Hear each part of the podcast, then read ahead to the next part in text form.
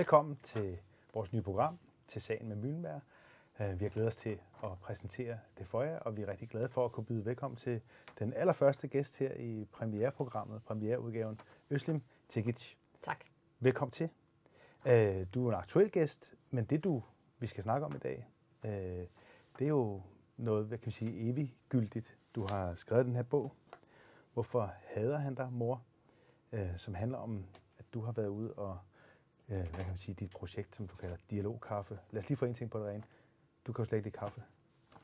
Ej, sikke en åbning. Nej, jeg kan, jeg kan faktisk, jeg drikker slet ikke kaffe, så det er, øh, men jeg tænkte, det holder bare ikke at kalde det for dialog i en nation, som er kendt for at være den, der drikker allermest kaffe i hele verden. Ja. Så det, bliver, det er dialogkaffe. Det er dialogkaffe, men der er te i din kop. Ja, tit. Og det, det er også fint. Men øh, det, som jo er det interessante her, synes jeg jo, er, at du som øh, jo med af tyrkisk oprindelse er kommet til Danmark og har taget den del af vores demokrati øh, i Danmark øh, til dig, som handler om dialogen. Altså vi har jo altid gået og prallet af at være samtaledemokrati, og det er konsensus Danmark og sådan noget. Og så kommer du lige pludselig og siger, der er noget galt med, med samtalen. Det er jo det, du siger til os, er det ikke det? Jeg siger i hvert fald, at vi samtaler for lidt. Øh, og det skal vi huske på, at øh, samtale er det allervigtigste, men også det øh, sværeste redskab i et demokrati.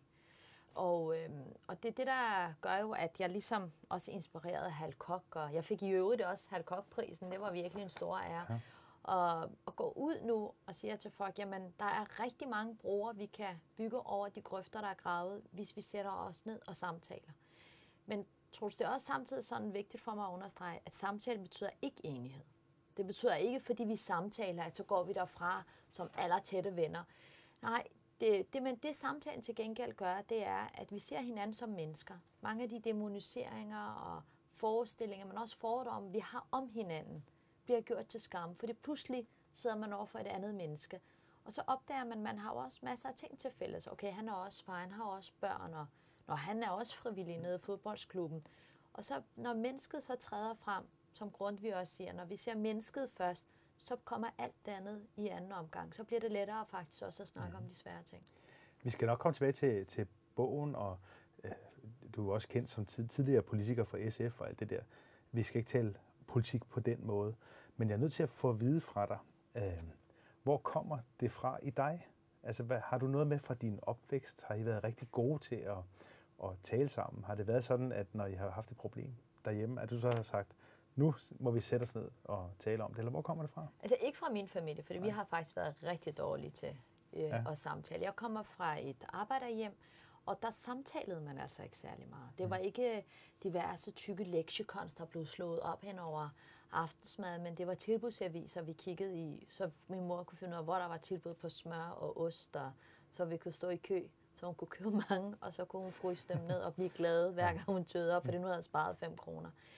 Det kommer mere af, tror jeg, at jeg har haft et had. Da jeg var barn, da jeg var ung, da jeg var voksen. Og, og det had er jo forsvundet, fordi nogle andre har samtalet med mig. Mm. Altså, hvad, hvad, hvad havde du? Jamen, altså, da jeg var barn, der havde jeg jøderne. Øh, fordi mm. jeg så de her palæstinensiske børn blive dræbt i øh, tv, og så tænkte jeg, jamen, det gør alle jøder. Og så kom der en pige i øh, skolen, og hun, altså hun var rigtig sød. Hun lignede også meget mig. Hun havde bare kopperbukser og havde kondisko og spillede basket, og så inviterede hun mig hjem en dag. Og der gik det op for mig, ej, de er jo ligesom os, de spiser heller ikke svinekød, og de har også de der mærkelige helligdage, de fejrer på mærkelige tidspunkter. Øhm, og mit, altså mit venskab med hende gjorde, at den eneste jøde, jeg kendte, havde ikke en pistol i hånden. Og derfor så ændrede mit billede af jøderne, fordi jeg tænkte, de var alle sammen søde, ligesom hun er. Og sådan var det også, da jeg som ung øh, havde meget stort, havde også mod tyrker, fordi jeg har kurdiske rødder. Der var nogle piger i øh, folkeskolen, hvad, i den lokale moské, der hjalp mig med mm-hmm. lektierne, og mit had til danskerne bliver tændt af to oplevelser, hvor jeg bliver spyttet på gaden, og der er en, der hiver mit tørklæde af. Men, øh, men der er en imam, der samtaler med mig, og der er jeg på vej til Afghanistan, og jeg tænker, nu er det hellig krig, og nu er det også mod dem.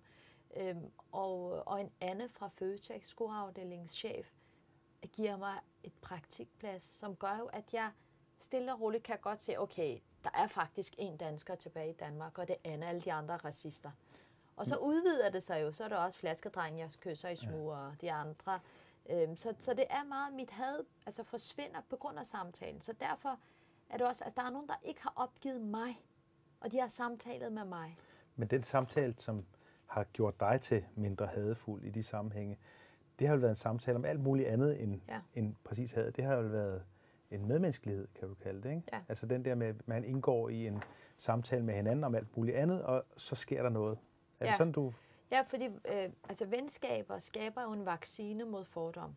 Altså, da jeg skrev bogen og på vej ned til Israel og Palæstina for at snakke med fredsarbejdere, jeg har mange holdninger om den konflikt. Så ved jeg, jeg har så tætte jødiske venner, at de vil læse bogen. Mm-hmm. Så det tvinger mig til at være nuanceret. Altså, der, der, venskaber gør noget helt særligt, fordi at man kan ikke sige, sådan er de alle sammen, fordi man kender jo en, der ikke er sådan. Så på den måde har jo bare alene samtalen jo rykket mig som menneske. Det er jo også derfor, at man med samtaler også kan vende mod folk, mod demokratiet og mod homoseksuelle, mod jøder. Og der plejer jeg at sige, at hvis man med samtale kan vende mod demokratiet, så burde vi da for hulen også tro på, at vi med samtale kan vende de unge tilbage til demokratiet. Det virker på mig som om, at du, øh, og det skriver du også om at i, i, i bogen, at du, når du går ind til den her, når du får den her, øh, hvad kan man sige, lyst til at ville dialogen, så er du faktisk nede at vende først, hvor du næsten er ved at opgive det, eller hvad skal jeg gøre imod det havde du selv har mm. oplevet blive rettet imod dig som en fremtrædende og meget synlig øh, politisk figur. Øh, kan du fortælle, hvad, hvornår bliver du lige pludselig opmærksom på, at, øh, at det er dig, der skal man kan sige, næsten gå forrest, gå, gå det i møde, de dialoger, i stedet for bare at lukke dig inde? Altså, det er faktisk slet ikke noget, øh, jeg gør selv. Øh, og det er det, vi tit glemmer, at der altid er nogle fyrtårne, nogle vejvisere, nogle mentorer, der hjælper os på vejen. I det her tilfælde er det Jakob Holt. Ja. Øh, fordi min søn spørger, hvorfor hader han dig, mor? Øh, fordi jeg er blevet chikaneret af Nynæs sidste otte måneder. Mm. Og der svarer jeg ham så begavet dengang, at det er fordi nogle mennesker er dumme. Og da jeg så snakker med Jakob Holt om det, så siger han, ah, hold nu op, gå nu ud og mød din egen racisme. Jakob Holt, forfatter og fotograf, skal bare sige som... Ja, fotograf og forfatter, ja, ja, ja, og har dokumenteret ja, racismen ja. i USA, og jeg ja. tænker, at, at nogen, så er det ham, der vil kunne give mig omsorg. Han vil kunne forstå mig. Mm. Han har jo dokumenteret racismen. Det er det, jeg bliver udsat for. Han vil tage mig under sine vinger. Han gør fuldstændig det modsat. Han skubber mig og siger, nu må du skulle ud og møde din egen racisme. Du er lige så demoniserende. Og der spørger han mig faktisk, det første spørgsmål, han stiller mig, altså hvor mange venner har du, som stemmer højre nationalt? Og på det tidspunkt, der er jeg jo enormt stolt af, at jeg sidder i Folketinget, og det ikke mhm. lykkedes mig endnu at give hånd til en eneste fra DF. Altså det er sådan noget, jeg praler det var du stolt, af. Det var du stolt af? Det var jeg faktisk ret stolt af. Det fortalte jeg til mine venner, og det var sådan en joke, når vi mødtes, og, hvor de spurgte, hvordan går det? Jamen, ikke endnu, og det har jeg formået. Og, og, og så tænker jeg, jamen, jeg hader ikke nogen. Det var jo i gamle dage. Jeg er jo et andet menneske nu. Men alligevel så sætter det sig fast. Og der begynder jeg så at opsøge mennesker, men ikke med det formål, at jeg skal blive klogere. Men nu vil jeg komme og gøre dem gode. Altså det er min mission til at starte med. Nu vil de møde en muslim, og så vil de blive gode. Men det ender med, at jeg faktisk bliver meget, meget klogere selv. Mm. Du er lidt til at forklare, hvad, hvordan gør man det? Altså hvis nu du skulle lave sådan en manual, det har du også i bogen, ja. god råd til, til, til dialogen. Altså hvad, hvad sker der, når man drikker dialogkaffe med dig? Altså ja. inden man når så langt, så er der jo tit for eksempel folk, der skriver nogle forfærdelige ting. Det kan både være folk fra højre nationalister, men det kan også være Erdogan-tilhængere, det kan også være nogle andre muslimer, der bare kan lide, at jeg har en anden stemme. Og når de så skriver enormt hadefuldt til mig, jo mere hadefuldt de skriver til mig, jo mere venligt skriver jeg tilbage til dem. Starter altid med kære, og jeg anerkender mm. deres kontakt. Altså jeg anerkender, at de vil samtale. Det er jo derfor, de skriver til mig. Det kan godt være, at den er totalt akavet måske ikke den bedste måde at starte en samtale ved at kalde den anden for luder og perker og så. Mm. Men jeg siger, tak for det, du skriver. Men du skal vide, det gør mig ked af det, du skriver. Mm. Og vi to kender ikke hinanden. Kan vi ikke mødes?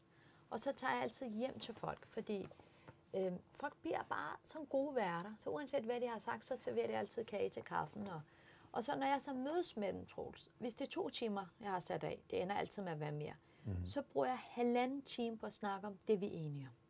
Altså, men også lære personen at kende, hvem er du? Altså, har du børn? Eller hvad laver du i din fritid? Og hvornår har du købt dit hus? Altså, er det dig, der har malet væggene? Og så fortæller jeg om mig selv. Man skal investere selv. Man skal også selv fortælle. Tvivler med den. spørg dem, kan det, altså jeg havde tænkt på, at tager jeg fejl? Jeg siger aldrig du, du, du. Nej. Jeg siger, jeg tænker sådan. Så jeg ikke er anklagende. Og jeg roser os, fordi vi vokser alle sammen, når der er nogen, der anerkender os. Og så bagefter, så siger jeg, at der er jo en grund til, at jeg sidder i din stue. Ikke? Ja. Øh, og der har vi så i mellemtiden... Og hvad siger du så der? Og så, der siger du, at det er fordi, du har kaldt ja, mig... Ja, du har jo skrevet de her ting. Tænker du nogle gange over, hvad det gør ved en? Altså, hvad det gør ved den anden menneske? Øh, og der bliver folk jo tit, at der siger folk tit undskyld, eller de siger, ja, det har du sgu også ret i. Og, og der er også mange, der siger, det er virkelig ikke for at forsvare. Siger, jamen, I svarer jo aldrig.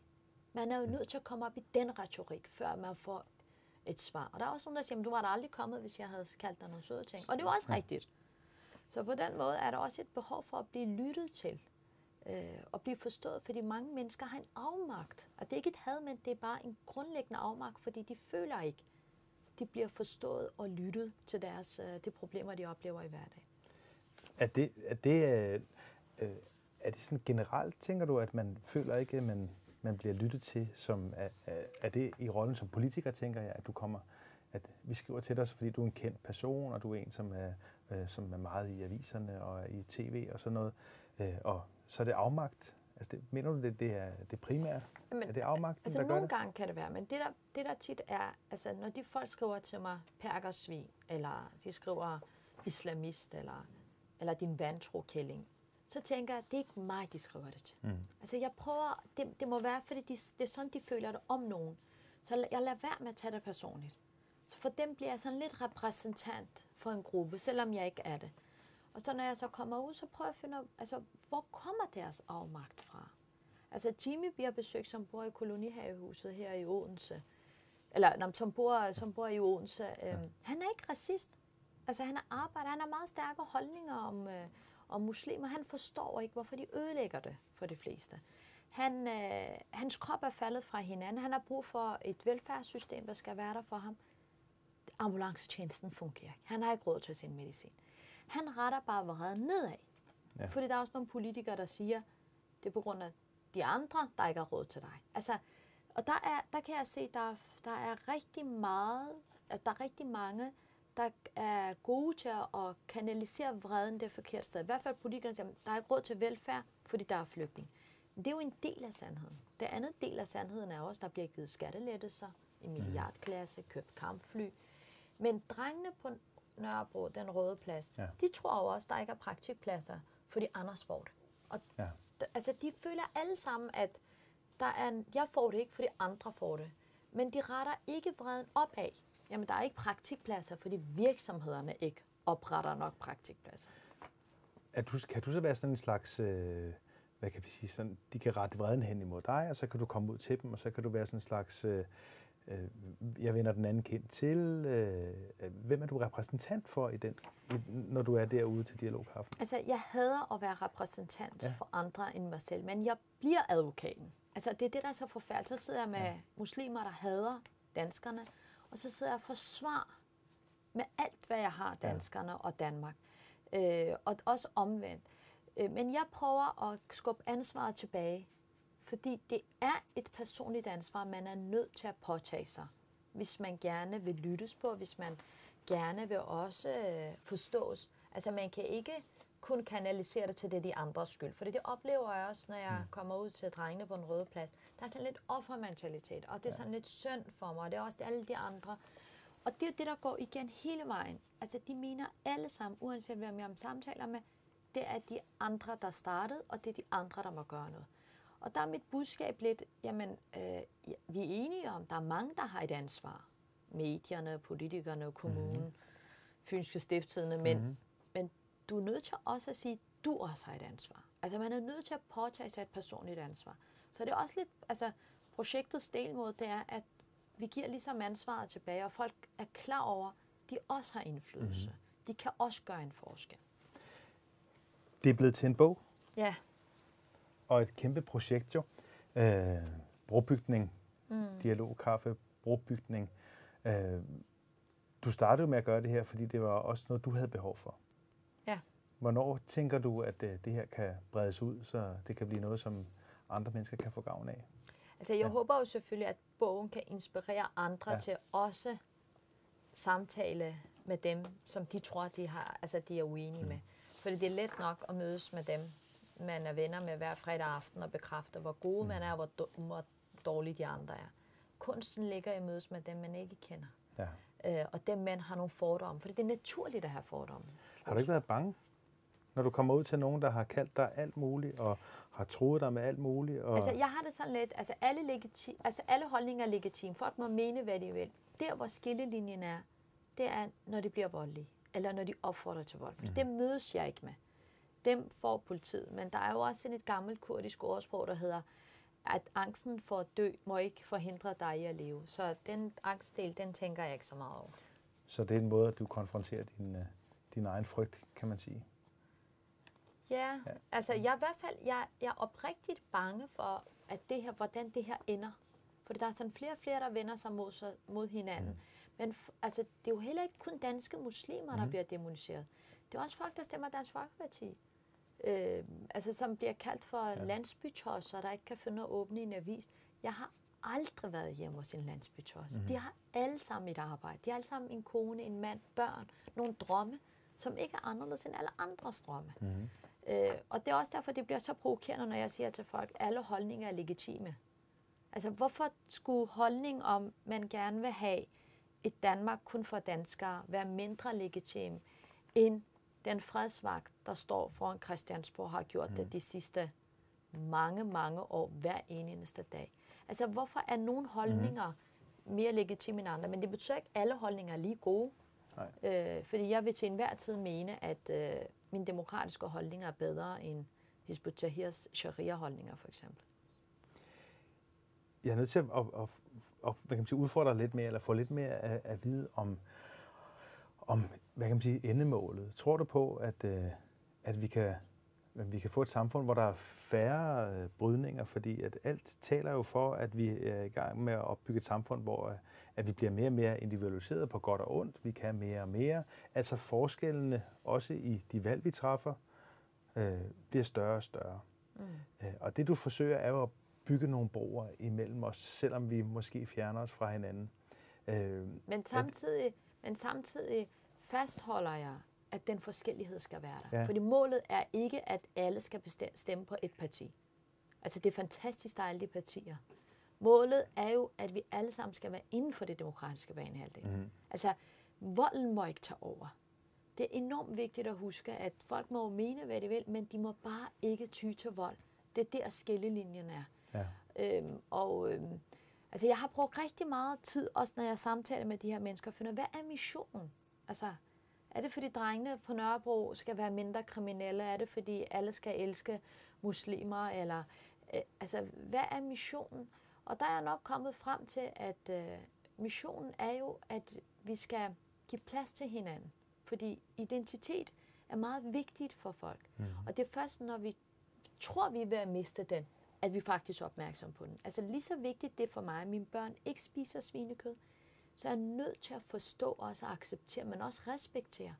Lige så vigtigt det er for nogle andre familier, hvor deres børn ikke spiser halalkød. Så det er ikke enten eller, men både og. Men stadigvæk sådan, at vi ikke tyrer til vold.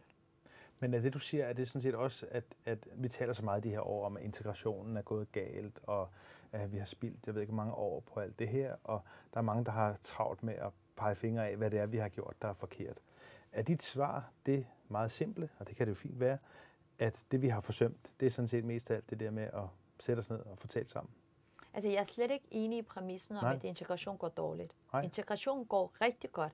Det er en af de der øh, nyheder, ingen, an, ingen vil tage æren for. Mm. Fordi øh, 97 procent af folk med minoritetsbaggrund er ikke kriminelle. Selvom vi snakker, selvfølgelig er der bandeproblemer, der er kriminalitet. Det betyder ikke, at der ikke er nogen, der ikke er det. Men øh, der har aldrig været så mange, øh, der er i gang med at tage en uddannelse. Øh, og pigerne, der bare stormer ind på universiteter og på gymnasier. Der er så mange, der blander sig i den offentlige debat. Så alt i alt går det rigtig godt i Danmark. Mm. Det betyder ikke, at der ikke er problemer. Dem skal vi blive ved med at snakke om. Men jeg synes også, at øh, jeg synes nogle gange, vi glemmer også at anerkende, at det går godt. Altså, vi glemmer også nogle gange at, at, at snakke om de mennesker, der hver eneste dag rækker hånden ud som inviterer indenfor. Altså venligboerne er en af de største folkelige bevægelser inden for nyere tid. men også den, altså den frivillige træner, der gør en indsats for at få drengene fra mm. gaden væk.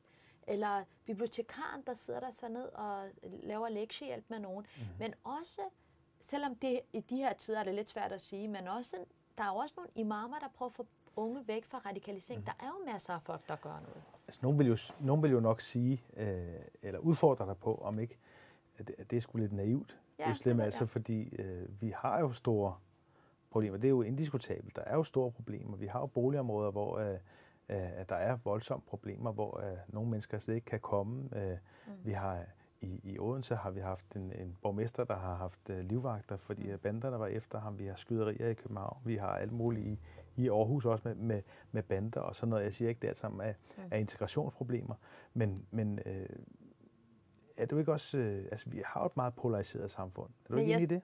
Jamen, altså, jeg siger jo ikke, det er den måde, man også ja. hører mig. Jeg siger ikke ja. en eneste gang, vi ikke har problemer. Nej. Jeg siger, der er problemer. Der er problemer med social kontrol, med mm. kriminalitet, men også med de mennesker, der bor i udsatte boligområder. Men det er også en del af sandheden, at for eksempel 9 ud af 10, der bor på, øh, med minoritetsbaggrund, bor ikke på udsatte boligområder. Mm. Altså det er jo ikke alle 10.000, der bor i vores moser, der har et problem. Altså, der er vi også, at nogle gange så forsvinder de der proportioner, hvor vi ja. føler lidt, hvis vi skal kun tro på, hvad politikerne og nogle af medierne skriver, så er det som om, vi er borgerkrig med hinanden. Men sådan er virkeligheden jo ikke, hvis man går på gaden. Nej. Men det betyder ikke, at der ikke er problemer. Mm-hmm. Og så spørgsmålet, hvordan løser vi de problemer? Ja. Og der tror jeg på, at øh, hvis du tager for eksempel radikalisering, jeg tror ikke forbud er vejen frem. Altså det der med, at vi kan forbyde nogle holdninger, eller vi kan forbyde nogen at komme ind, eller vi kan...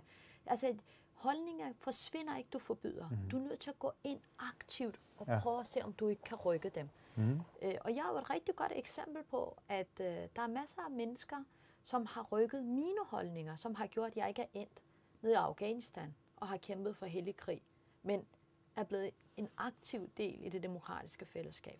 Men alligevel, og jeg hører, hvad du siger, og mm. jeg tror også, at, at, at, at du har ret i mange af de ting, at der er faktisk utrolig mange ting, der, mm. der fungerer rigtig godt i det her samfund. Også på de der felter, som ofte bliver, oftest bliver beskrevet mm. som problemer. Men en af de ting, som du i hvert fald virkelig tager fat i i bogen, det er jo det her spørgsmål om det der, alt det der had og alle de der trusler, som vi også var inde på i begyndelsen. Mm. Altså, at man skriver sådan til hinanden, at vi har en, en hvis vi kan kalde det overhovedet til at kalde det en offentlig samtale. Nogle gange er det, virker det mere som en offentlig råbekonkurrence om, hvem kan sige det, det grimmeste. Vi har, øh, øh, vi har jo en udfordring i hvert fald på det område, som du på en eller anden måde forsøger at, at gøre op med. Ja, og, og, og det problem er faktisk enormt alvorligt. Ja. Altså, fordi det er med til at grave grøfterne dybere. Altså, når du demoniserer en gruppe, så tag ikke fejl. Det betyder jo også, at der er også andre grupper, der bliver demoniseret. Altså, jeg kan huske, at Mette Frederiksen gik ud og sagde, at nu skal vi lukke alle de her muslimske friskoler. Fint nok, luk dem, der har problemer, men ikke alle. Mm. Men så siger hun så, så spørger de, hvorfor ikke det jødiske? Så siger han, men der er jo ikke problemer med jøder, det er der jo med muslimer. Altså, når du gør det der, så gør du ikke jøderne en tjeneste. Altså, du er med til at sætte mm. befolkningsgrupper over for hinanden, og det kan de jødiske øh, mindretal i den grad også mærke, fordi hadet mod danske jøder stiger også. Men det er jo rigtigt, vi har jo altså muslimske friskoler, hvor det er jo sommeren her har jo vist uh, nogle rimelig uh, voldsomme eksempler på, hvad lærer og uh, skolerne i sig selv har, har undervist i og sådan noget. Uh, og der har Mette Frederiksen jo ret i, at det er jo ikke noget, vi ser i andre trosamfunds uh, friskoler. Nej, vi har også set noget ja. lignende indre mission, ja. altså de kristelige ja. friskoler. Det er jo derfor, man skal, have, man skal lukke dem, der ikke overholder lovgivning. Det er jeg meget, meget store fortaler for. Men vi begynder jo heller ikke at lukke alle folkeskoler, fordi der er fem, der ikke fungerer. Mm. Altså, og det er der, hvor, hvor vi tager en hel gruppe som gissel, øhm, og, og siger, jamen sådan er det for dem alle sammen. Og de generaliseringer er ikke gode. Altså, de er med til faktisk at danne sådan lidt grobund for had. Fordi når jeg kommer ud og snakker med de her mennesker, mm. og spørger, hvor er det, de har de her generaliseringer og også nogle gange fordomme på, fordi de kender jo ikke nogen. Nej. Altså, drengene på Nørrebro, på et tidspunkt spørger jeg dem, fordi de siger, vi hader danskerne, fordi de hader os, så vi hader dem tilbage. Så spørger jeg dem, kender I nogen danskere? Så går der nærmest en uh, bingo i gang, mm. fordi nu skal de finde en, en, et navn. Så efter mm. to navne, så er de helt udmattet. Altså langt de fleste af dem kender jo ikke engang deres fordomme. Ja. Det er jo også noget, som andre giver. Så det vil sige, at Christiansborg har jo også nogle grøftegravere, mm. som i den grad producerer fordomme, producerer mm. generaliseringer.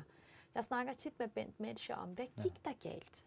fra tidligere overrabiner, ja, tidligere er gode overrabiner, ven, ja. ja, som er Ja. min øh, adoptivbedstefar. Ja. Hvad gik der galt fra første 2. verdenskrig til 2. 2. Mm. verdenskrig? Altså, øh, fordi det, der skete under 2. verdenskrig, det er usammenligneligt. 50 ja. millioner mennesker blev dræbt. Men hvad skete der i mellemtiden? Altså, hvordan kunne et had blive så voldsomt, at 50 mm. millioner mennesker blev dræbt? Og han siger på et tidspunkt, ord, altså når man hele tiden negligerer ord, ikke tager alvoren i det der had, der bliver skabt og demonstrering, så tager det så meget fat, så kan du ikke styre det.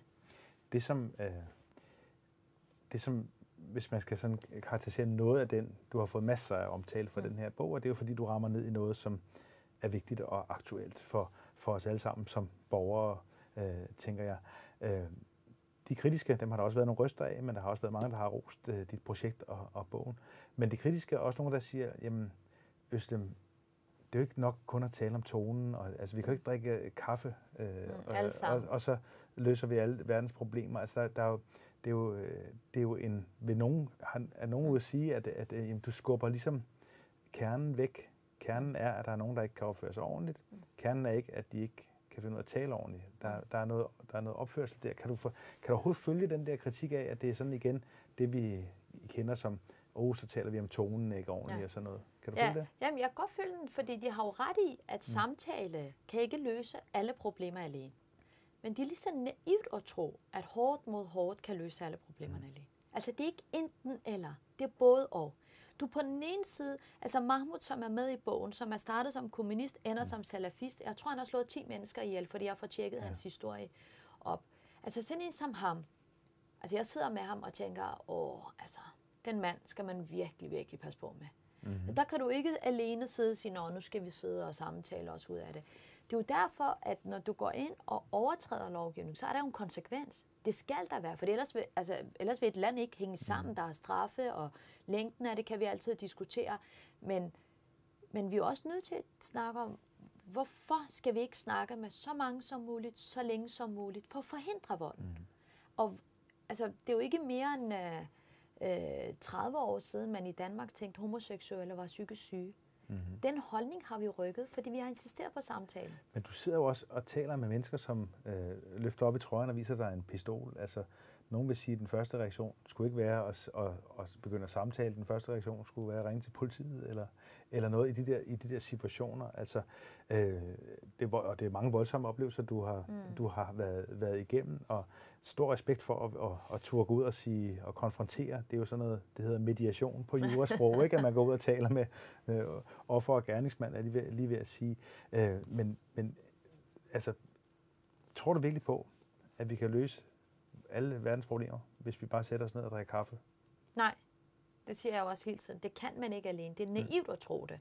Men man kan heller ikke løse dem hårdt mod hårdt. Fordi hvis du bare, hvis vi lige sådan træder lidt ud og ser, alle krige starter med, at samtalen er ophørt. Og samtlige fredsproces starter med, at mennesker samtaler. Så på den måde er samtalen faktisk det allervigtigste redskab i et demokrati. Det er jo derfor, de lande, vi normalt sammenligner os med, for eksempel Erdogan i Tyrkiet, altså mm.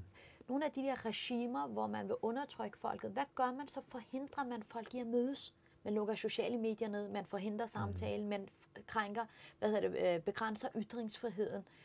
Og hvorfor? Fordi at samtalen kan noget helt andet. Det er jo derfor, at jeg siger, jamen vi kan jo ikke, vi kan ikke negligere vores eget demokrati. Vi kan heller ikke udlicitere kampen for demokratiet til sidemanden. Vi er nødt til at gøre noget, men ham der Hassan, som du refererer til i bogen, han sidder på en røde plads med mm. ryggen mod muren, og jeg forstår ikke, hvorfor de alle sammen sidder med ryggen mod muren, ikke i rundkreds, mm. indtil han lige løfter sin t-shirt, så jeg kan se hans pistol, mm. og jeg tænker, nå ja, de holder jo øje med pladsen. Ja. Så hvis der er nogen, der vil skyde dem, så kan de jo reagere med det samme. Men jeg møder ham meget senere, og det er jo den sidste kapitel, mm. hvor, jeg, hvor han krammer mig, og så helt reflektorisk, så begynder jeg at kropsvisitere ham. og så, for, for at se, om hans pistol er der. Så siger han, jeg er færdig med det. Jeg er færdig som murer nu. Han har fået en kontrakt, der han skal rive en uh, bygning ned. Og altså, jeg siger, din mor må være stolt. Så vokser han lige 5 mm. cm. Altså, der er håb. Der er og, håb, ja. og det tror jeg er der, vi, vi slutter den her samtale. Det kan være, at vi kan tage, tage mange flere samtaler. Det er jo fantastisk inspirerende. Øh, og høre nogen tale om, at der faktisk er håb. At vi bare skal gøre det, som det danske samfund er bygget på, nemlig at vi skal være gode til at tale sammen. Tak for din indsats for tak. samfundet. Man kan være enig eller uenig, Ja. men man skal i hvert fald anerkende, at der er nogen, der prøver at gøre noget ved det. Det skal du have tusind tak for, og tak for, at du vil komme herind og fortælle om det. Og til alle jer, der har forhåbentlig set med, eller lyttet med, øh, håber, at det har været interessant. Øh, det er en spændende oplevelse at læse Østrøms bog, og øh, tillykke med den. Tusind tak.